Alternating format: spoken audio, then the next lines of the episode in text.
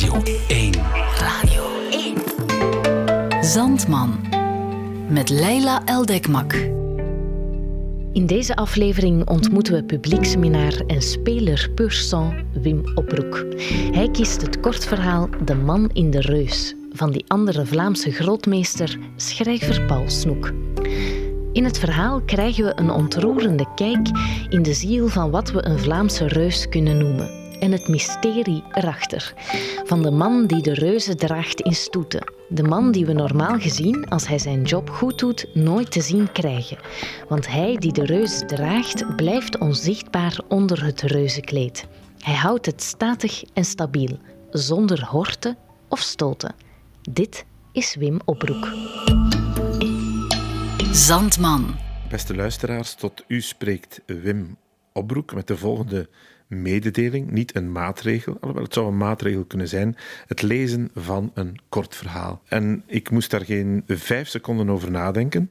Het is een uitstekende gelegenheid om mijn favoriete dichter eigenlijk, het is een heel goede dichter, Paul Snoek, die heeft één verhalenbundel geschreven, lang geleden, in de lente van 1970. Dat is een soort paperback, eh, als je het kon zien. En die heet Bultaco 250cc. En op de cover staat de genaamde Snoek, heer Snoek, op een Bultaco, een crossmoto 250cc met nummer 381. En in dat prachtige boekje, waar slechts een handvol kortverhalen in staan, staat één verhaal en dat verhaal heet De man in de reus. En dat ga ik voor jullie voorlezen. Dus we spreken wel 1970 zeggen en schrijven. De man in de reus. En dan staat er tussen haakjes voor Hugo en Mia, maar ik weet niet wie dat zijn. Ik kan me daarvan alles bij inbeelden, maar voor Hugo en Mia. De man in de reus. Niemand in mijn lange loopbaan heeft me ooit iets gevraagd over mijn beroep. Niemand kent het of heeft ooit kunnen vermoeden dat mijn beroep er een is waar men zijn brood mee kan verdienen en gelukkig zijn. Op een keer, het was in Nieuwpoort, waar ik jarenlang Goliath heb gedragen, vertelde een jong lid van een heemkundige kring me dat ik mijn job te danken had aan keizer Karel. Men houdt hem voor de eerste inrichter van de reuzenstoeten.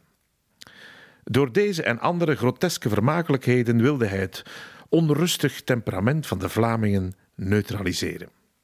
Nu hebben we voetbal en wielerwedstrijden waar men de mensen mee bezighoudt en waar ze dagenlang over kunnen praten en ruzie maken zonder staatsgevaarlijk te worden. Zo vernam ik dat mijn beroep van keizerlijke oorsprong zou zijn. Het laat me onverschillig. Ik doe mijn werk en word ervoor betaald. Ik heb een huis in Harelbeke, een tuintje en een wagen. Alle carnavals, optochten, bloemenkorsos en omgangen zijn mij bekend. Ik ben namelijk de man die de reus draagt. En zo noemt men mij, want de naam draag ik niet. Overal heeft men mij nodig. In Aalst, waar ik Polydorus of Polydora draag. In Zottegem, waar ik met Gambrinus rondzeul. Uit alle steden en gemeenten krijg ik opdrachten. En zo komt het dat ik Ambiorix draag in Ad, de Indiaan of Mars in Dendermonde. Of, zoals ik reeds zei, Goliath in Nieuwpoort. De schoonste herinnering heb ik aan Salzburg. Negen jaar na elkaar heb ik daar op Sacramentsdag Samson gedragen. Hij woog meer dan 100 kilo, maar droeg licht en gemakkelijk omdat in de romp het beste draagstel was ingebouwd dat ik ooit heb gezien. Ik heb het trouwens gekopieerd en in vele gevallen later naar hetzelfde idee de draagstellen van andere reuzen aangepast. Waar is de tijd? Ik logeerde in een van de beste hotels van Salzburg. Als een prins werd ik er afgehaald aan het station, alhoewel niemand mijn naam kende of wist waar ik vandaan kwam. Men noemde mij de man die de reus draagt. In het hotel hoorde ik soms kelners met nieuwsgierige gasten zacht fluisterend over me praten, met eerbied en ontzag. Der man, der Samson treekt. Samson, de mooie donkere reus met in de linkerhand een ezelskinnebak en in de rechter een glimmende lans. Waar is de tijd? Ik woon in Harelbeke met mijn dochter die het huishouden doet. Mijn vrouw is tijdens de oorlog gestorven. Ik ben 52 jaar en gezond, weegt 82 kilo en meet 1,80 meter. Een bril draag ik niet, hoewel mijn ogen de laatste tijd niet meer zo scherp zien. De jaren, denk ik. Aan opdrachten ontbreekt het mij niet, maar toch worden er nu minder reuzen gedragen dan vroeger. Voor de oorlog gebeurde dat ik wekenlang dag aan dag reuzen te dragen had en dikwijls opdrachten moest afzeggen. Deze gaf ik dan door aan Maas in Hemixem, die ook reuzen droeg, maar wagenmaker van beroep was. Hij vond de dood in een bombardement op het Kiel te Antwerpen. Soms gaf ik ook opdrachten door aan een zekere Van Gansbeke uit Wetteren, maar alleen als ik niemand anders vond. Van Gansbeke dronk en iemand die de reus draagt, drinkt niet. Hij droeg altijd een kruikje never mee in de reus. De kruik hing aan een touw om zijn nek. Heb ik nodig om het gewicht te vergeten, hoor ik hem nog zeggen op een keer dat hij Polydora droeg en ik Polydorus. Die keer bleef hij twee dagen hangen in Aalst. Nee, de man in de reus is verantwoordelijk voor de goede naam van de reus. De faam van een reus valt of staat met de wijze waarop hij gedragen wordt. En een reus draagt men met waardigheid. Van Gansbeke besefte dat niet tot hij op een keer in Sint-Truiden de lange man, een tamelijk moeilijke reus, droeg, over een straatsteen struikelde en neerplofte. Men moest hem met vier man van onder de in elkaar gezakte reus bevrijden en smoordronken werd hij op een ladder bij een apotheker binnengedragen. Uit schaamte heb ik later elke opdracht uit Sint-Truiden geweigerd, zelfs nadat de stadssecretaris me had verzekerd dat mij geen enkel verwijt trof en ik niet kon weten dat Van Gansbeke dronken was. Ik had het moeten weten en daarom bleef ik in Sint-Truiden weg. Ik denk dat ik nu de enige nog ben die reuzen draagt en ervan leeft. Marchand uit Duinkerke was de laatste die ik ken en hij is vorige week in Cambrai verongelukt. Ook reuzen beginnen zeldzaam te worden. Toch krijg ik nog voldoende opdrachten om in mijn levensonderhoud te voorzien en een cent opzij te leggen voor Irma, mijn dochter. Zij zegt dat ik mijn tarief moet opslaan nu alles duurder is geworden. Het gebeurt soms dat een dienst van een of andere stad of gemeente om inlichtingen vraagt. Technische inlichtingen in verband met het dragen. Vakknepen. Kom aan. Ze begrijpen niet dat reusdragen nog iets anders betekent dan een last optillen en ermee rondlopen, gelijk een os of een ezel. En men zou even goed kunnen informeren bij een koordanser, een sabelslikker of een messenwerper en vragen hoe hij het doet. Ze snappen eenvoudig niet dat een reusdragen veel meer inhoudt dan het draagwerk. Inlichtingen geef ik niet. Ik zeg gewoonlijk dat als ze denken dat eender wie de reus kan dragen, ze het maar zelf moeten doen. Ze stoppen dan een werkman van de aanplantingsdienst of een huisvuilophaler in de reus en laten de man los met 100 kilo op zijn schouders over alle soorten wegdek waar we maar beter over kunnen zwijgen. En werkelijk, de man van de gemeente draagt de reus. Tenminste, hij verplaatst hem. Toeschouwers zien dan een hinkende reus, een reus die als op stelten loopt of in nauwzittende schoenen, een reus met buikpijn of een gevaarte dat op hol is geslagen en op elk ogenblik iets dreigt te verpletteren. Nee, ze komen ervan terug. En het jaar daarop vragen ze zeer vriendelijk of ik alstublieft zelf de reus wil komen dragen. Ik hoor dan gekke verhalen van een drager die halfweg de stoeter de brui aangeeft en zich in een café gaat bedrinken, of een andere die met zijn hiel tussen de tramrails blijft haperen en dergelijke domme dingen meer. Nee. Men draagt een reus zoals het hoort. Volgens de regels der kunst, zou ik zeggen, waarmee ik bedoel dat een reus als het ware zelf loopt. Een reus moet drijven en zijn kleed moet lichtjes met de zoom de grond raken en dit alles zonder horten of stoten. Statig, evenwichtig en stabiel, als liep de reus op wielen. Zo moet dat geschieden. Ik klaag niet. Uit geheel het land komen regelmatig opdrachten binnen. De vorige week kreeg ik zelfs een uitnodiging om bin-bin te dragen in Valenciennes, Maar dat is me te ver in de winter en aan de Franse grens heb ik altijd moeilijkheden met de douane. Vroeger lieten ze me door, maar nu moet ik een bewijs hebben van invoer of tijdelijke invoer met wederuitvoer en veel vijven en zessen voor het gereedschap dat ik meedraag. Hamers, tangen, spijkers, krammen, pluimen, zwaarden, riemen en beugels en allerlei dingen die men nodig heeft voor de herstellingen. Mijn wagen is een rijdend atelier. Ik heb de achterzetels eruit gehaald en er een kleine werkbank in gemonteerd. Ik heb er al veel plezier van gehad, want elke reus moet eerst opgekalfaterd worden voor hij draagbaar is. Men zou gaan schreien wanneer men ziet hoe sommige gemeenten en steden hun reuzen verwaarlozen of misbruiken. Nog niet zo lang geleden, het was in Kortrijk, zag ik een reus, of wat er van overbleef, helemaal volgehangen met verkiezingspropaganda. Ongelooflijk, maar waar. Ze hebben geen eerbied meer voor de traditie, de jeugd zeker niet, maar de ouderen evenmin. Als ze in de gemeenteraad hebben besloten toch de reus te laten uitgaan, geven ze je een bouwvallig karkas en een paar manden met stukgevreten reuzenkleren en een heleboel dingen die niet bij de toebehoorselen van de reus passen, maar die ze erbij gooien om de inventaris te doen kloppen.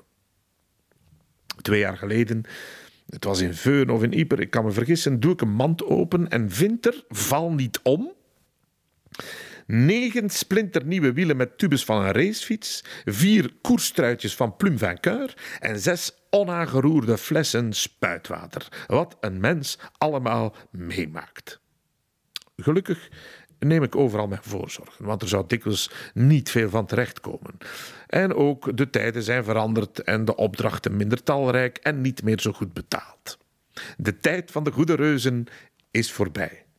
Mensen, ik denk nog dikwijls aan Salzburg. Wat ze nu willen. Majoretten met blote billen. Hoe bloter, hoe liever. Of monsterachtige constructies geïnspireerd op een schilderij van een zekere Breugel, met mannen, vrouwen en kinderen die karamellen en confetti gooien naar het volk en alsof het nog niet erg genoeg is, voortgetrokken door een tractor, bestuurd door een snotneus met een Eddie Merckx pet op. Dat ze dan nog paarden gebruikten, nee, tractoren en jeeps om te schreien. Nu, de opdrachten die ik nog krijg, aanvaard ik niet zozeer om het geld, als wel om de traditie in stand te houden en om mijn persoonlijke voldoening. Uit beroepsfierheid. Ik wil de reus dragen, omdat een stoet zonder reus geen stoet is, maar een betoging. Een smakeloze vertoning, georganiseerd door winkeliers of plaatselijke politiekers. Neem de heksenstoet in Nieuwpoort. Het hele geval heeft nu al weinig om het lijf, maar wat zou het zijn zonder de grote heks? Een scheet in een fles. De man in de reus, dat ben ik en ik blijf het. Daarom draag ik reuzen waar men ook maar wil, winter en zomer, dag en nacht, met hart en ziel. De reuzen en ik, wij houden elkaar in leven. En ik zal ze dragen, tot ik erbij doodval. Thuis heb ik een map met alle brieven en uitnodigingen die ik tijdens mijn loopbaan heb ontvangen. Vaak blader ik erin en steeds houd ik stil bij de mooie brief op geschept papier van de burgemeester van Salzburg. Daar deden ze het anders. Royaal betaald en met eerbied behandeld. Hoe ze aan mijn adres kwamen is me nog steeds een raadsel. Nu zenden ze een bestelbon of ik krijg een telefoontje. Een of andere pennenlikker van de gemeente moet de boodschap doen. Dat gaat dan meestal zo. Hallo, spreek ik met de man die de reus draagt? Mijn naam kennen ze niet en zou hen toch niet zeggen. Ik antwoord dan voorzichtig dat ik dat ben. Wil je komen dragen op de bloemenstoet in Sint-Niklaas? Ik zeg dat het goed is en vraag voor wanneer het is. Met moeite kent de vent dan de juiste datum en ik zeg dan zelf de eerste zondag van augustus. Juist, zegt de man opgelucht en blij als voorspelde ik schoon weer voor de stoet. Vroeger kreeg ik uit Sint-Niklaas altijd mooie uitnodigingen van de Rederijkerskamer, de goudbloem. Ik heb het nog in mijn map. Echt Crown Mill papier met gouden briefhoofd en getekend door een zekere Albert Goedals. Dat was voor de oorlog. Nu, hm, dan begint de vent vragen te stellen. Belangrijkste vraag: hoeveel moet dat kosten? Gewoonlijk zeg ik dat het 300 frank per uur dragen is en de verplaatsingskosten. Waar woont u? In Harelbeke. Komt u met de trein? Nee, met de wagen. Hoeveel kilometer is dat heen en weer? Enzovoort, enzovoort. De man aarzelt dan een poosje en ik hoor ze door de telefoon mompelend rekenen in een kantoortje. Na een minuut of wat zegt de man dat het goed is en ik mijn contractje mag zenden met nadruk op het diminutief. Dezelfde dag zend ik dan mijn algemene voorwaarden in twee exemplaren, met het verzoek één ervan voor akkoord getekend binnen de acht dagen te willen terugzenden. Meestal wordt dat vergeten en moet ik telefoneren. Als ik geen contract heb, mag zelfs de koning mij komen halen. Ik draag de reus alleen maar als alles in orde is, zoals in mijn algemene voorwaarden voorzien: het uurloon, de verplaatsingskosten, de vergoeding voor aangebrachte herstellingen, tussenkomst in de verzekeringspremie en de wijze van betaling. Ik moet dit soort van contracten gebruiken omdat het gevraagd wordt voor de comptabiliteit van de gemeente. Zij moeten een stuk hebben. Vroeger betaalde men mij na de stoet in een café en als het een schepen- of gemeenteraadslid was, zat er nog een fooi aan vast. Nu wacht ik soms maanden op mijn geld. Ze betalen traag, maar het komt er toch van. Ik zou liegen als ik zou beweren dat reuzen dragen moeilijk is. Het is in elk geval geen kwestie van spieren. Het is kennis, ondervinding. Elke reus heeft zijn eigen gebreken, maar ook zijn voordelen, zoals huizen, zoals mensen, en daar moet de drager rekening mee houden. Neem bijvoorbeeld de grote Turk van Brussel. Hij woog maar 70 kilo, maar niemand kreeg hem van de grond. Maar eens dat ik hem op mijn schouders had, moest ik hem tegenhouden. Bij mij liep hij als vanzelf. Iemand die de reus draagt is geen gewichtheffer. Het is een kwestie van medevoelen met de reus, weten hoe hij wil gedragen worden. Men moet hem vertolken. Wat men voelt in een reus. De last? Nee. Na twee minuten is men dat vergeten. Het is de eenzaamheid. Men moet opgewassen zijn tegen het urenlang gekooid zijn in het muffe binnenste van een reus. Er is weinig lucht en geen licht. De drager strompelt uren voort in een enge besloten cel, verplicht de cadans te volgen, wat er ook mogen gebeuren. Maar naarmate de tijd verstrijkt, wordt men stil. Het is gek, maar nergens heb ik mij ooit zo geheel alleen gevoeld als in een reus. Men zou er goed kunnen bidden, denk ik. Meestal begint een stoet na de middag, rond veertien uur. Ik ben nooit later bij mijn reus geweest dan om elf uur. Dat was meestal nodig omdat er altijd een en ander in orde gebracht moest worden of hersteld. Soms stonden ze klaar, maar vaak lag de reuzenkledij rond de romp gegooid omdat niemand wist hoe ze aan te kleden en dat deed ik dan zelf. Niemand vroeg me ooit of hij een handje moest toesteken. Omstanders stonden nooit dichtbij. Precies of men begreep dat ik alleen wilde gelaten worden tijdens mijn werk of dat ik medewerking niet op prijs stelde. Altijd ontbrak er wat aan de reus. In Wetteren was het ene jaar de koperen helm zoek, het andere jaar de vernikkelde borstplaat of het schouderstuk. Maar omdat ik er altijd op tijd bij was, mocht de reus van Wetteren, telkens ik hem droeg, gezien worden. Ik mag het zeggen, mijn reuzen waren steeds perfect. Ik zette mijn wagen altijd dicht bij de plaats waar bedienden of werklieden de reus hadden neergezet. Meestal op de speelplaats van een school of in de opslagplaats van stadsmateriaal.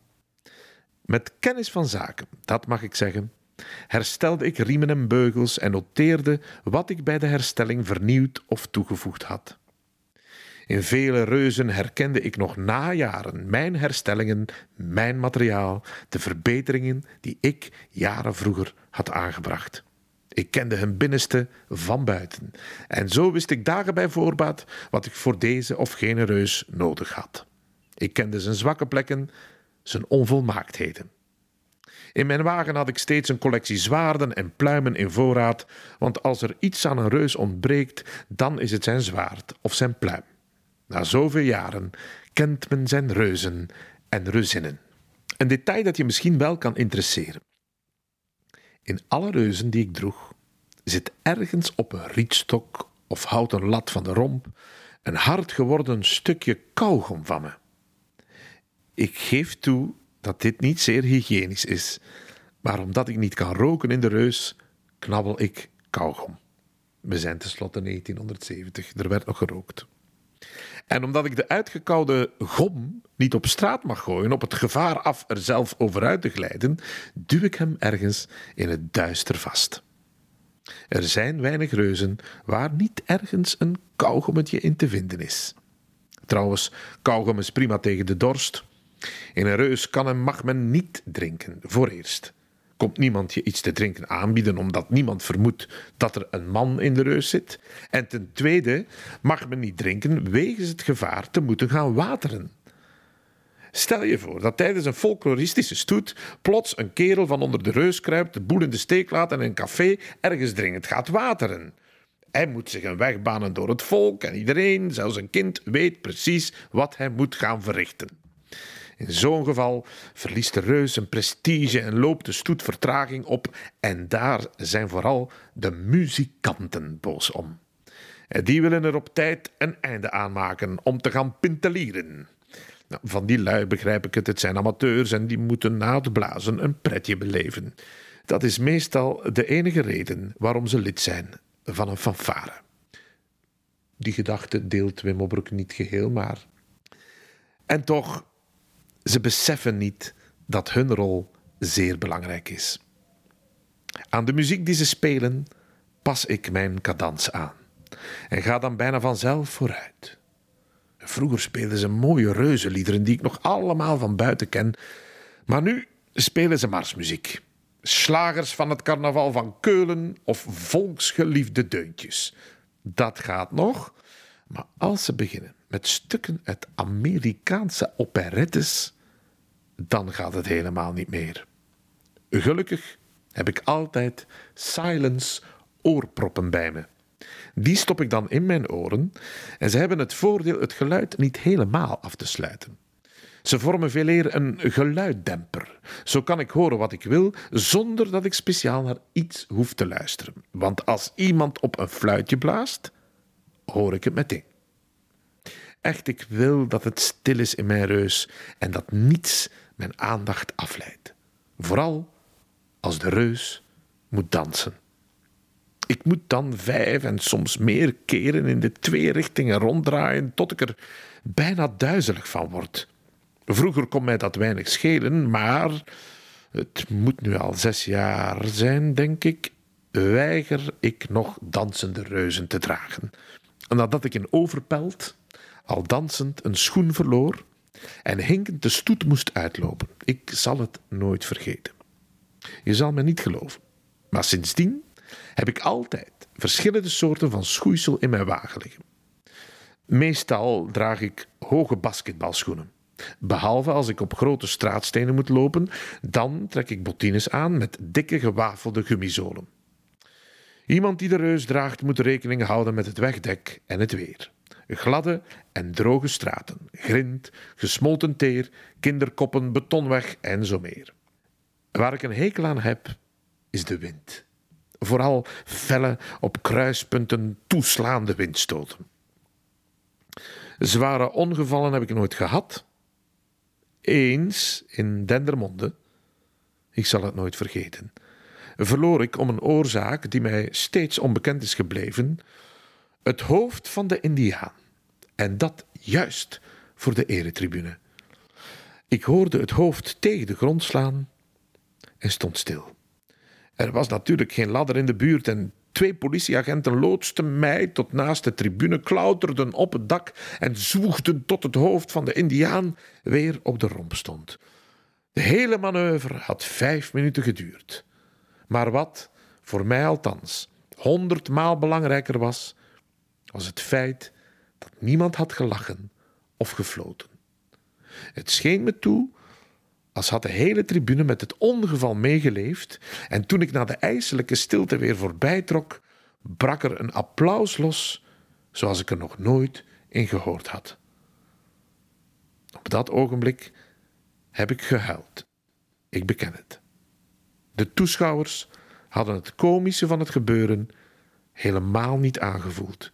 Ze vonden het dramatisch, omdat ze ontzag hadden voor de reus, omdat ze ergens kind gebleven waren en de angst voor de reus hen was bijgebleven. Ze hadden eerbied voor hun reus. En zo moet het wezen. Hoor ik weinig in de reus, zien doe ik nog minder. Wat wil je? Mijn vizier, aangebracht in de onderbuik van het reuzenkleed, is niet groter dan een reep chocolade. Aan de vertragende stap van de muzikanten zie ik dat het stilstaan wordt. Zo af en toe rust ik wat uit. Dan gaan de muzikanten weer op stap en neem ik mijn reus op en wandel. Van straat naar straat, van tribune naar tribune. Ik zwijg en kou op mijn gom. En als de stoet ontbonden wordt op een verlaten plein, komt het moeilijkste moment van de dag. Voorzichtig kruip ik van onder de reus en adem eens goed in en uit. Dan komt de weemoed, het verdriet. En terwijl ik een en ander materiaal dat mijn eigendom is weer losmaak, maakt een triest gevoel zich van mijn meester. Van sommige reuzen weet ik dan dat het de laatste maal was dat ik hen heb gedragen.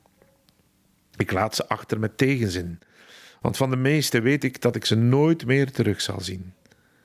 Ik zeg dan wel: Dag Indiaan, dag Polydorus, dag grote Turk. Ik zie jullie nog wel in het museum. Maar ik meen dat niet echt. In een museum staan ze daar naast elkaar als opgezette beesten. Een reus zonder ziel, een graf waarin ik niet begraven werd. Niets ter wereld geeft mij zo'n gevoel van verlatenheid als de ontbinding. Het definitieve einde van een stoet. Dan pas steek ik een sigaret op en begeef me zonder me te haasten naar een café in de buurt. Ik spreek met niemand van de feestvierende, nee. Hoe zou ik het kunnen? En ook niemand kent me, niemand heeft mij ooit gezien, dus niemand spreekt mij aan. Soms zijn er wel een paar die me nakijken of observeren wanneer ik alleen aan een tafeltje zit en water drink. Ze vinden me vreemd. Dat voel ik aan, maar niemand valt me lastig. Misschien draag ik iets van de reus in mij. Dat grote, dat zwijgende, en boezem ik vrees in. Misschien draag ik de reus na de stoet onzichtbaar verder. Of ben ik de reus?